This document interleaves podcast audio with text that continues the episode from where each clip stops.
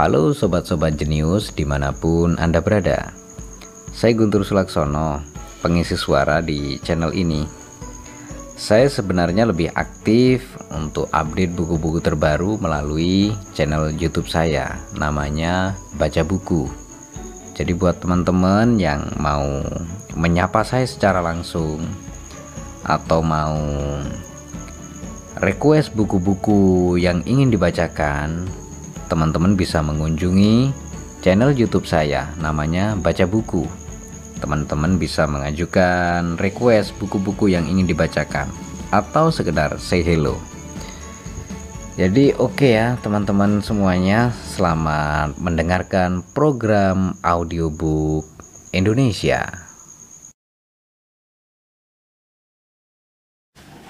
Selamat datang di channel Baca Buku. Saya Guntur Sulaksono, pengisi suara di channel ini. Kali ini saya akan membawakan sebuah buku yang cukup kontroversial. Bukunya Richard Dawkins dengan judul The God Delusion. Oke, kita awali dari episode pertama. Bab 1 Orang tak beriman yang sangat religius. Saya bacakan kutipan dari Albert Einstein. Saya tidak mencoba untuk membayangkan seorang Tuhan personal. Cukuplah berdiri dengan perasaan terpesona di tengah-tengah struktur dunia. Sejauh hal itu memungkinkan indera-indera kita yang tak sempurna untuk mencecapnya. Kita awali dari Bab 1 bagian 1 Rasa hormat yang layak Pemuda itu tengkurap di atas rumput. Kedua tangannya menyangga dagu. Ia tiba-tiba mendapati dirinya diliputi oleh suatu kesadaran yang semakin besar akan beragam tangkai dan akar yang saling berkelindan. Sebuah hutan mikrokosmos suatu dunia semut dan serangga yang terus berubah dan meskipun ia tidak akan tahu detail-detail itu sekarang ini, bahkan dunia miliaran bakteria tanah yang secara diam-diam dan tak terlihat menopang ekonomi dunia mikro. Tiba-tiba hutan mikro hamparan rumput tersebut tampak mengembang dan menjadi satu dengan alam semesta. Dan dengan pikiran penuh, pemuda itu merenungkannya. Ia menafsirkan pengalaman tersebut secara religius dan pada akhirnya hal itu membawanya pada kependetaan. Ia ditasbihkan sebagai seorang pendeta Anglikan dan menjadi pendeta khusus di sekolah saya. Seorang guru yang saya sukai. Terima kasih banyak kepada pendeta liberal yang sopan seperti dia sehingga tak ada seorang pun yang bisa mengatakan bahwa agama dicekokkan ke dalam tenggorokan saya. Di waktu dan tempat yang lain, pemuda itu bisa jadi saya di bawah bintang-bintang, terpesona oleh Orion, Cassiopeia, dan Ursula Major. Sedih karena musik yang tak terdengar dari Bima Sakti terpikat oleh aroma Kamboja malam dan bunga-bunga terompet di Taman Afrika. Mengapa emosi saya sama bisa membawa pendeta saya ke satu arah tertentu dan membawa saya ke arah yang lain merupakan suatu pertanyaan yang tidak mudah dijawab. Respon kuasi mistik terhadap alam dan semesta merupakan suatu hal yang umum di kalangan ilmuwan dan kaum rasionalis. Hal itu tidak ada kaitannya dengan keyakinan supernatural. Paling tidak di masa kanak-kanak pendeta saya tersebut mungkin tidak tahu. Demikian juga saya tentang kalimat penutup The Origin of Species bagian tepian sungai yang rimbun. Yang sangat terkenal itu. Dengan burung-burung bernyanyi di semak-semak, dengan beragam serangga melayang-layang, dan dengan ulat-ulat merangkak di tanah basah. Jika ia tahu, ia jelas akan mengidentifikasi diri dengan itu semua dan ketimbang menjadi pendeta, akan sampai pada pandangan Darwin bahwa semua dihasilkan oleh hukum-hukum yang berlaku di sekitar kita. Demikianlah, dari perang alamiah tersebut, dari kelaparan dan kematian muncul secara langsung objek yang paling agung yang bisa kita lihat, yakni produksi binatang-binatang yang lebih tinggi, Ada kemuliaan dalam pandangan hidup ini dengan beberapa kekuasaannya yang awalnya ditiupkan ke dalam beberapa bentuk atau ke dalam satu bentuk dan bahwa meskipun planet ini telah berputar terus menurut hukum gravitasi yang pasti, dari suatu awal yang sedemikian sederhana berkembang bentuk-bentuk yang paling cantik dan paling mempesona. Karsagan dalam Pale Blue Dot menulis, Bagaimana bisa hampir tidak satupun agama besar yang melihat ke sains dan menyimpulkan, ini lebih baik daripada yang kita pikirkan. Alam semesta jauh lebih besar dibanding yang dikatakan nabi-nabi kita. Lebih agung, lebih stabil, lebih subtil, lebih elegan. Sebaliknya, mereka berkata, "Tidak, tidak, tidak. Tuhanku adalah Tuhan yang kecil, dan saya ingin Dia tetap demikian." Sebuah agama lama atau baru yang menekankan keagungan alam semesta sebagaimana yang disingkapkan oleh ilmu pengetahuan modern mungkin mampu mengajukan ketakziman dan keterpesonaan dan tidak terserap oleh keyakinan-keyakinan konvensional. Semua buku Sagan menyentuh urat-urat ketakjuban transenden yang dimonopoli agama di abad-abad terakhir. Buku-buku saya memiliki tujuan yang sama. Akibatnya, saya mendengar diri saya sering kali digambarkan sebagai seseorang yang sangat religius. Seorang mahasiswi menulis surat kepada saya bahwa ia bertanya kepada profesornya bagaimana pandangannya tentang saya. Jelas jawabnya. Sains positifnya tidak dapat didamaikan dengan agama. Namun ia sangat terpesona dengan alam dan semesta. Bagi saya, itu adalah agama. Namun, apakah agama adalah kata yang tepat? Saya kira tidak. Seorang ahli fisika yang ateis, pemenang penghargaan Nobel Stephen Weinberg, juga mengemukakan poin itu dalam Dream of Final Theory. Sebagian orang memiliki pandangan tentang Tuhan yang sangat luas dan fleksibel sehingga dapat dipastikan bahwa mereka akan menemukan Tuhan di mana pun mereka mencarinya. Orang mendengar perkataan-perkataan bahwa Tuhan adalah yang tertinggi atau Tuhan adalah sifat kita yang lebih baik, atau Tuhan adalah alam semesta. Tentu saja, seperti kata lain yang mana pun, kata Tuhan dapat diisi dengan makna apa pun yang kita sukai. Jika Anda ingin mengatakan bahwa Tuhan adalah energi, maka Anda bisa menemukan Tuhan dalam sebongkah batu bara. Weinberg Weinberg jelas benar bahwa jika kata Tuhan tidak menjadi sepenuhnya muspra, ia hendak digunakan dalam cara sebagaimana orang umumnya memahami kata itu untuk menunjuk pada suatu pencipta supernatural yang layak kita sembah.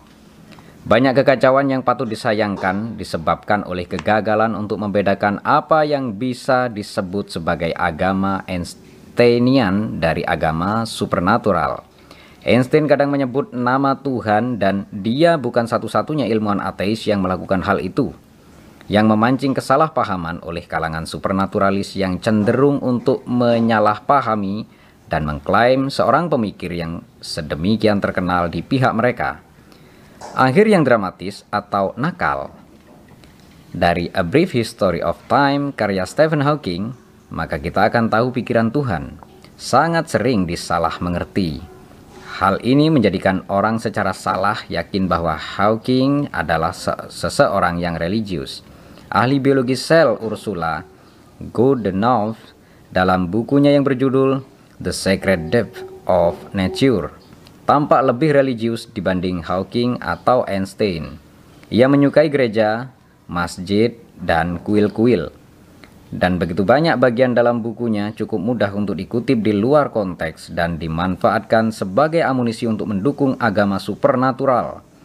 Ia bergerak lebih jauh dengan menyebut dirinya sendiri sebagai seorang naturalis religius. Namun suatu pembacaan yang cermat dan hati-hati atas bukunya memperlihatkan bahwa ia sebenarnya adalah seorang ateis yang kuat sebagaimana saya. Naturalis adalah sebuah kata yang ambigu bagi saya kata itu membangkitkan dalam pikiran saya pahlawan masa kanak-kanak saya. Dr. Dolittle Hope Lofting yang kebetulan memiliki lebih dari sekedar sentuhan filosof naturalis HMS Begel pada abad ke-18 dan ke-19 naturalis mengandung arti apa yang sampai sekarang ini masih dibayangkan oleh sebagian besar dari kita seseorang yang mempelajari dunia natural Kaum naturalis dalam pengertian ini, mulai dari Gilbert White dan seterusnya, sering kali berarti pendeta. Darwin sendiri bagi gereja dianggap sebagai seorang pemuda yang berharap bahwa kehidupan yang mudah dari seorang pendeta suatu wilayah akan memungkinkan dia untuk memenuhi minat dia akan kumbang. Namun, namun kaum filosof menggunakan kata naturalis dalam pengertian yang sangat berbeda. Sebagai lawan dari supernaturalis, Julian Bagini dalam Atheism A Very Short Introduction menjelaskan makna komitmen seorang ateis pada naturalisme. Apa yang diyakini oleh sebagian besar kaum ateis adalah bahwa meskipun hanya ada satu jenis bahan di alam semesta ini dan bahan itu bersifat fisik, dari bahan ini muncul pikiran, kecantikan, emosi, nilai-nilai moral, pendeknya keseluruhan fenomena yang memberi kekayaan pada kehidupan manusia. Pemikiran-pemikiran dan emosi-emosi manusia muncul dari berbagai macam hubungan yang sangat kompleks di antara entitas-entitas fisik di dalam otak. Seorang ateis dalam pengertian naturalis filosofis ini adalah seseorang yang yakin bahwa tidak ada apa-apa di luar dunia natural dan fisik. Tidak ada intelijensi kreatif supernatural yang bersembunyi di balik semesta yang tampak. Tidak ada jiwa yang lebih abadi ketimbang tubuh dan tidak ada keajaiban-keajaiban kecuali dalam pengertian fenomena natural yang belum kita pahami. Jika ada sesuatu yang tampak berada di luar dunia natural sebagaimana yang sekarang ini dipahami secara salah, kita berharap pada akhirnya kita akan bisa memahaminya dan memasukkannya ke dalam yang natural. Seperti ketika kita mengurai pelangi, ia tidak akan menjadi kurang menakjubkan. Para ilmuwan besar yang terkesan religius Biasanya ternyata tidak demikian ketika kita mencermati keyakinan-keyakinan mereka secara lebih mendalam. Hal inilah yang terjadi pada Einstein dan Hawking, astronom royal dan presiden Royal Society sekarang ini, Martin Rees, mengatakan kepada saya bahwa ia pergi ke gereja sebagai seorang Anglikan yang skeptis. Karena loyalitas pada suku itu, ia tidak memiliki keyakinan-keyakinan teistik namun percaya para naturalisme puitis yang dibangkitkan kosmos sebagaimana para ilmuwan lain yang telah saya sebutkan. Dalam sebuah percakapan televisi baru-baru ini, saya menentang teman saya, Robert Wiston, seorang dokter ahli kandungan dan seorang tokoh terhormat, keyahudian British, untuk mengakui bahwa Yudaismenya adalah Yudaisme jenis ini dan bahwa ia sama sekali tidak meyakini sesuatu yang supernatural. Ia sudah hampir mengakui hal ini, namun kemudian akhirnya enggan mengakuinya. Sejujurnya, ia seharusnya mewawancarai saya, bukan sebaliknya. Ketika saya menekannya, ia berkata bahwa ia menganggap agama Yahudi memberinya suatu disiplin yang baik untuk membantunya membentuk kehidupannya dan menjalani suatu kehidupan yang baik.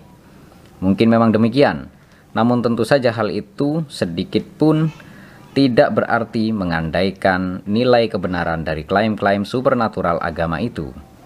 Terdapat banyak intelektual ateis yang dengan bangga menyebut diri mereka orang Yahudi dan menjalani ritus-ritus Yahudi. Mungkin karena loyalitas pada suatu tradisi tua atau pada keluarga mereka yang terbunuh. Namun juga karena kesediaan yang tidak jelas dan membingungkan untuk memberi label agama pada suatu penghormatan panteistik yang banyak kita lakukan dengan pelopornya yang paling terkenal, Albert Einstein. Mereka mungkin tidak percaya, namun meminjam ungkapan Dan Dennett. Mereka percaya pada keyakinan. Salah satu perkataan Einstein yang paling sering dikutip adalah, ilmu pengetahuan tanpa agama pincang. Agama tanpa ilmu pengetahuan buta. Namun Einstein juga berkata, tentu saja merupakan suatu kebohongan apa yang Anda baca tentang keyakinan-keyakinan keagamaan saya. Suatu kebohongan yang secara sistematis diulang-ulang. Saya tidak percaya pada suatu Tuhan personal dan saya tidak pernah menyangkal ini. Saya mengatakannya dengan jelas. Jika ada sesuatu dalam diri saya yang dapat disebut religius, maka itu adalah keterpesonaan yang tak terbatas pada struktur dunia sejauh yang dapat disingkapkan oleh sains kita. Apakah tampak bahwa apa yang dikemukakan Einstein sering saling bertentangan? Bahwa kata-katanya dapat dirujuk sebagai kutipan untuk mendukung kedua sisi dari sebuah argumen? Tidak. Agama yang dimaksud Einstein adalah sesuatu yang sepenuhnya berbeda dari apa yang umumnya dipahami orang. Ketika saya menjelaskan perbedaan antara agama supernatural di satu pihak dan agama Einstein di pihak yang lain, ingatlah bahwa saya hanya menyebut Tuhan-Tuhan supernatural sebagai hayali. Di bawah ini adalah beberapa kutipan dari Einstein untuk memberi suatu ciri pada agama Einsteinian. Saya adalah seorang tak beriman yang sangat religius. Ini adalah semacam jenis agama baru. Saya tidak pernah melekatkan pada alam semesta suatu tujuan atau suatu arah atau apa pun yang dapat dipahami sebagai antropomorfis.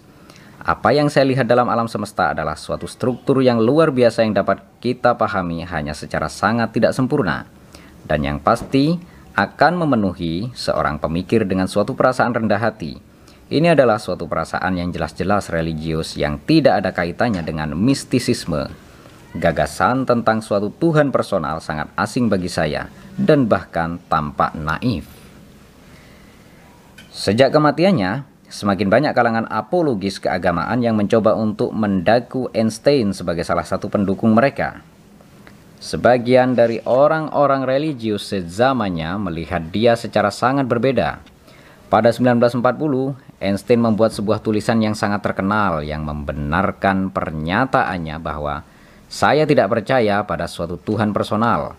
Pernyataan ini dan pernyataan-pernyataan lain yang serupa memancing suatu gelombang surat dari kalangan ortodoks keagamaan. Sebagian besar dari surat itu merujuk pada asal-usul Yahudi Einstein. Berbagai kutipan di bawah ini diambil dari buku Mike Jammer yang berjudul Einstein and Religion, yang juga merupakan sumber kutipan utama saya dari Einstein sendiri tentang masalah-masalah keagamaan. Uskup Katolik Roma Kota Kansas Uskup Katolik Roma Kota Kansas mengatakan merupakan suatu hal yang menyedihkan melihat seorang manusia yang berasal dari ras perjanjian lama dan ajaran-ajarannya menolak tradisi besar ras itu. Pendeta-pendeta Katolik yang lain berkata, tidak ada Tuhan lain selain satu Tuhan personal. Einstein tidak memahami apa yang sedang ia bicarakan. Ia sepenuhnya salah. Beberapa orang menganggap bahwa karena mereka telah mencapai suatu tingkat pengetahuan yang tinggi di beberapa bidang, maka mereka bisa mengemukakan berbagai opini dalam semua bidang. Gagasan bahwa agama merupakan suatu bidang kajian yang khas, di mana seseorang bisa mengklaim sebagai ahli, adalah gagasan yang hendaknya dipertanyakan. Pendeta itu mungkin tidak akan mengakui keahlian seorang yang mengklaim Phryologis dalam hal bentuk dan warna yang pasti dari sayap-sayap peri. Baik pendeta maupun uskup tersebut berpikir bahwa Einstein karena tidak terlatih dalam masalah teologi telah menyalahpahami watak Tuhan. Sebagaimana Einstein memahami dengan sangat baik apa yang sedang ia sangkal. Seorang pengacara Katolik Roma berkebangsaan Amerika yang bekerja atas nama suatu perkumpulan gereja menulis surat kepada Einstein. Kami sangat menyesalkan bahwa Anda mengemukakan pernyataan seperti itu, yang di dalamnya Anda mengejek gagasan tentang seorang Tuhan personal. Dalam 10 tahun terakhir tidak ada satu hal pun yang sedemikian diperhitungkan untuk menjadikan orang-orang berpikir bahwa Hitler memiliki suatu alasan untuk mengusir kaum Yahudi dari Jerman sebagaimana pernyataan Anda. Dengan memberikan Anda hak untuk bebas berbicara, saya masih mengatakan bahwa pernyataan Anda menjadikan Anda sebagai salah satu sumber terbesar pertikaian di Amerika. Seorang rabi New York berkata, Einstein tak diragukan adalah seorang ilmuwan besar, tetapi pandangan-pandangan keagamaannya sangat bertolak belakang dengan agama Yahudi. Tapi, tapi, mengapa tidak? Dan Presiden sebuah masyarakat sejarah di New Jersey menulis sebuah surat yang sedemikian kasar menyingkap kelemahan pemikiran religius tersebut dan layak dibaca dua kali. Kami menghargai pengetahuan Anda, Dr. Einstein, namun ada satu hal yang tampaknya tidak Anda pahami, bahwa Tuhan adalah suatu ruh dan tidak dapat ditemukan melalui teleskop atau mikroskop, sebagaimana pemikiran atau emosi manusia dapat ditemukan dengan menganalisa otak. Sebagaimana yang diketahui setiap orang, agama didasarkan pada keyakinan, bukan pengetahuan. Setiap orang yang berpikir mungkin kadang disergap oleh keraguan keagamaan. Keyakinan saya sendiri telah sering kali guncang, namun saya tidak pernah memberitahu siapa pun tentang penyimpangan-penyimpangan spiritual saya karena dua alasan. Satu, saya khawatir bahwa saya mungkin semata-mata karena saran, mengganggu dan merusak kehidupan dan harapan sesama manusia.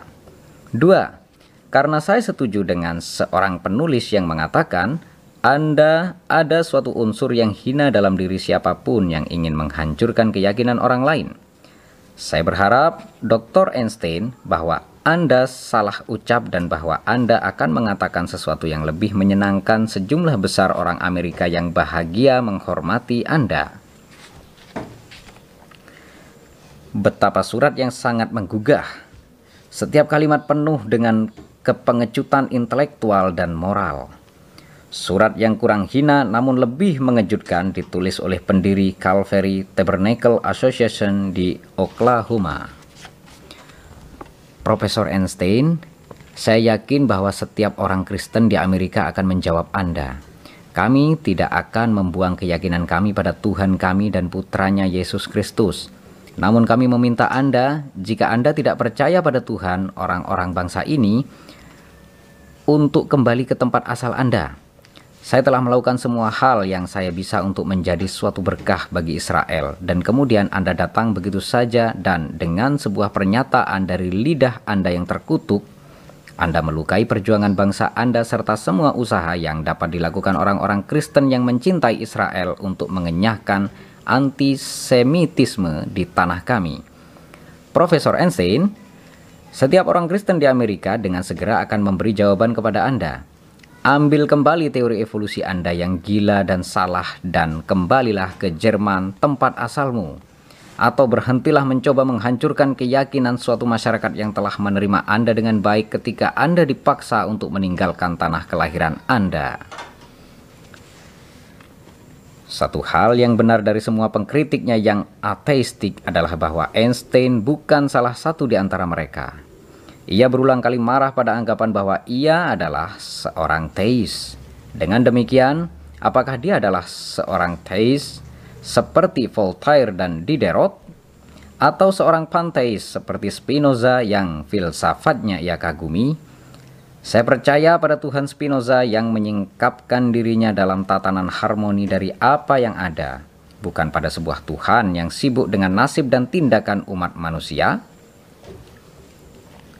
Mari mengingatkan diri kita tentang peristilahan tersebut.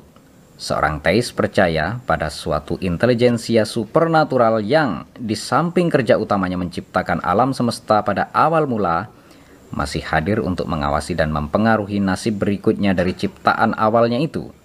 Dalam banyak sistem keyakinan teistik, ketuhanan tersebut sangat terlibat dalam berbagai personal manusia. Ia menjawab doa, memaafkan atau menghukum dosa-dosa, ikut campur di dunia dengan menghamparkan berbagai mukjizat, cerewet menyangkut perbuatan baik dan buruk, dan tahu kapan kita melakukan perbuatan-perbuatan itu, atau bahkan tahu kapan kita berpikir untuk melakukan perbuatan-perbuatan itu. Seorang deis juga percaya pada suatu intelijensia supernatural namun intelijensia supernatural yang aktivitas-aktivitasnya terbatas pada penetapan hukum-hukum yang menata alam semesta pada awal mula. Setelah itu, Tuhan Deis tidak pernah campur tangan dan jelas tidak memiliki minat tertentu pada persoalan-persoalan manusia. Kaum panteis sama sekali tidak percaya pada suatu Tuhan supernatural, namun menggunakan kata Tuhan sebagai suatu sinonim non-supernatural bagi alam atau bagi alam semesta, atau bagi keteraturan hukum yang memandu bekerjanya alam semesta. Kaum Deis berbeda dari hukum Teis dalam artian bahwa Tuhan mereka tidak menjawab doa-doa, tidak tertarik pada dosa atau pengakuan dosa, tidak membaca pikiran-pikiran kita, dan tidak ikut campur dengan berbagai mukjizat yang tak terduga. Kaum Deis berbeda dari kaum Panteis dalam arti bahwa Tuhan Deis adalah semacam intelijensia kosmik dan bukan sinonim metaforis atau puitis kaum Panteis untuk hukum-hukum alam semesta. Panteisme merangsang ateisme, deisme melemahkan teisme. Terdapat banyak alasan untuk berpikir bahwa Einsteinisme, Einsteinisme terkenal seperti Tuhan itu subtil namun ia tidak jahat atau ia tidak bermain dadu atau apakah Tuhan memiliki pilihan dalam menciptakan alam semesta adalah panteistik bukan deistik dan jelas bukan teistik. Tuhan tidak bermain dadu hendaknya diterjemahkan sebagai keacakan bukan merupakan dasar dari semua hal Apakah Tuhan menciptakan pilihan dalam menciptakan alam semesta? Berarti, dapatkah alam semesta mulai dengan cara lain? Einstein menggunakan kata Tuhan dalam pengertian yang murni metaforis dan puitis. Demikian juga Stephen Hawking dan demikian juga sebagian besar fisikawan yang kadangkala menggunakan bahasa metafor keagamaan. The Mind of God karya Paul Davis tampak berkisar antara panteisme Einsteinian dan suatu bentuk deisme yang kabur. Yang karena itu dia dianugerahi Templeton Prize, sejumlah uang yang sangat besar yang diberikan setiap tahun oleh Yayasan Templeton. Biasanya kepada seorang ilmuwan yang siap untuk mengatakan sesuatu yang menyenangkan tentang agama. Izinkan saya meringkaskan agama Einsteinian dalam satu kutipan lagi dari Einstein sendiri merasa bahwa di balik segala sesuatu yang dapat dialami terdapat sesuatu yang tidak dapat dipahami pikiran kita dan yang keindahan dan keagungannya sampai pada kita hanya secara tidak langsung dan sebagai suatu pantulan yang lemah. Inilah kereligiusan. Dalam pengertian ini, saya religius. Dalam pengertian ini juga, saya religius dengan syarat bahwa tidak dapat dipahami, tidak harus berarti selamanya tidak dapat dipahami. Namun saya memilih untuk tidak menyebut diri saya religius karena hal ini menyesatkan. Hal ini amat sangat menyesatkan karena bagi sebagian besar orang, agama mengandaikan sesuatu yang supernatural. Carl Sagan mengumumkan hal ini dengan baik. Jika dengan Tuhan seseorang bermaksud mengatakan serangkaian hukum fisik yang memandu alam semesta, maka jelas terdapat Tuhan seperti itu. Tuhan ini secara emosional tidak memuaskan tidak masuk akal untuk berdoa kepada hukum gravitasi. Lucunya, poin terakhir Sagan tersebut dianggap oleh pendeta Dr. Fulton J. Sheen, seorang profesor di Universitas Katolik Amerika, sebagai suatu bagian dari serangan keras terhadap penolakan Einstein akan Tuhan personal pada 1940 tersebut. Shin secara kasar bertanya apakah orang akan mau untuk menyerahkan kehidupan demi bintang Bima Sakti ia tampaknya berpikir bahwa ia sedang menyerang Einstein dan bukan dirinya sendiri. Karena dia menambahkan hanya ada satu kesalahan pada agama kosmiknya, cosmical religion. Ia membubuhkan sebuah huruf tambahan dalam kata itu, huruf S. Tidak ada yang menggelikan, cosmical, pada keyakinan-keyakinan Einstein. Meskipun demikian, saya berharap bahwa para ahli fisika berhenti menggunakan kata Tuhan dalam pengertian meta metaforisnya yang khusus.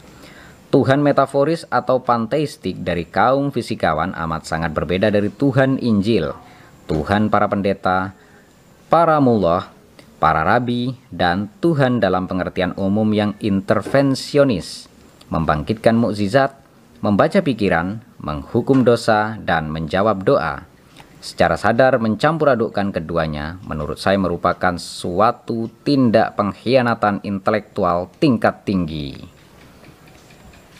Terima kasih dan bersambung ke episode kedua bab 1 bagian 2.